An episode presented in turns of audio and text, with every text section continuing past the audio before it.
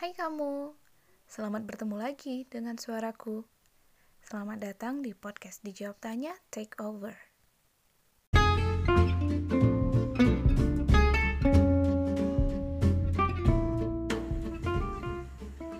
Hai, gue Dono. Hari ini gue bakalan take over podcast Dijawab Tanya dan bakalan ngebahas gimana sih caranya memulai bisnis kuliner. Oke, sebenarnya gue belum se-expert itu sih buat ngasih tahu ke teman-teman semuanya gimana cara memulai bisnis kuliner. Tapi gue bakalan coba share dari pengalaman gue yang udah-udah dalam menjalankan bisnis kuliner. Dan hopefully ini bisa ngebantu teman-teman di luar sana yang masih kebingungan gimana sih caranya memulai bisnis kuliner. Oke, let's get started. Yang pertama, make sure kamu harus punya mental yang kuat. Karena di awal-awal kamu merintis suatu bisnis, kamu pastinya bakalan nemuin hambatan dan halangan yang mungkin bakalan bikin mental kamu down. Nah, misalnya nih, ketika kamu punya ide bisnis, terus kamu share ke teman-teman atau orang terdekat kamu, tapi kamu gak dapetin feedback yang baik dari mereka. Nah, di sini adalah saatnya buat kamu ngebuktiin bahwasanya ide bisnis kamu ini bakalan bisa worth it untuk dipasarkan nantinya. Yang kedua, kamu udah harus tahu produk apa yang bakalan kamu jual. Dan setelah kamu udah tahu produk yang bakalan kamu jual, kamu juga udah harus punya gambaran gimana nantinya produk ini bakalan kamu produksi. Apakah bakalan kamu produksi sendiri, atau bekerja sama dengan pihak lain, atau malah nge-repacking produk yang udah ada. Yang ketiga, tentukan target market kamu.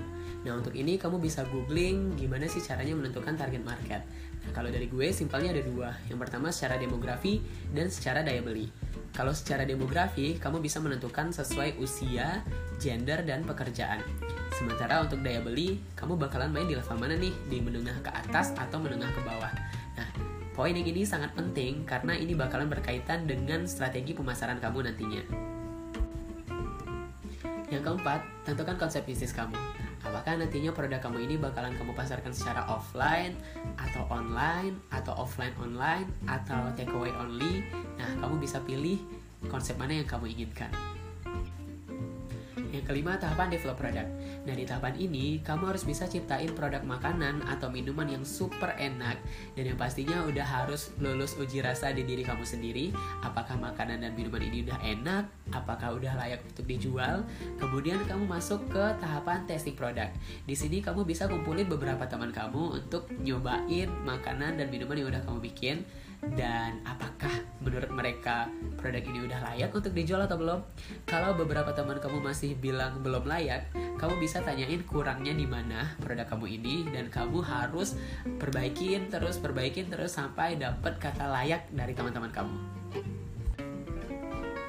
And then riset dan survei kompetitor. Kamu harus tahu kelebihan dan kekurangan dari kompetitor kamu. Tujuannya apa? Biar kamu bisa menentukan diferensiasi produk kamu dengan produk lainnya.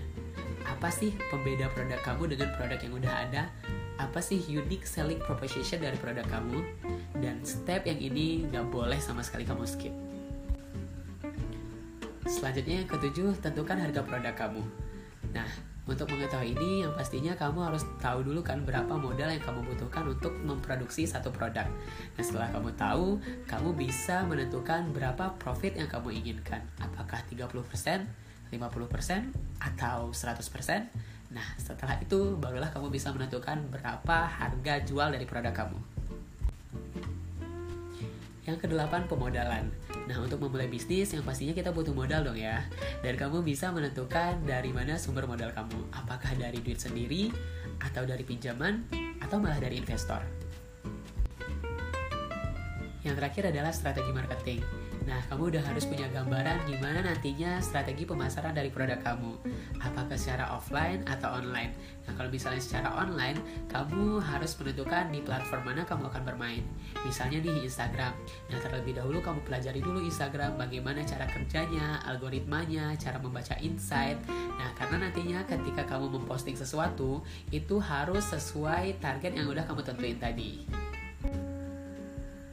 Kemudian tentukan strategi promosi kamu. Gampangnya sih ATM, amati, tiru, dan modifikasi. Kamu bisa pilih salah satu brand makanan atau minuman yang udah ternama yang bakalan kamu jadiin referensi dalam menjalankan bisnis kamu. Oke, sekian. Saya Idono. Selamat mencoba. kasih sudah berbagi di Dijawab Tanya. Untuk kamu yang juga pengen ngisi suara di take overnya Dijawab Tanya, bisa banget DM aku di Instagram @afadlia. Sampai ketemu lagi di cerita selanjutnya. Ami pamit.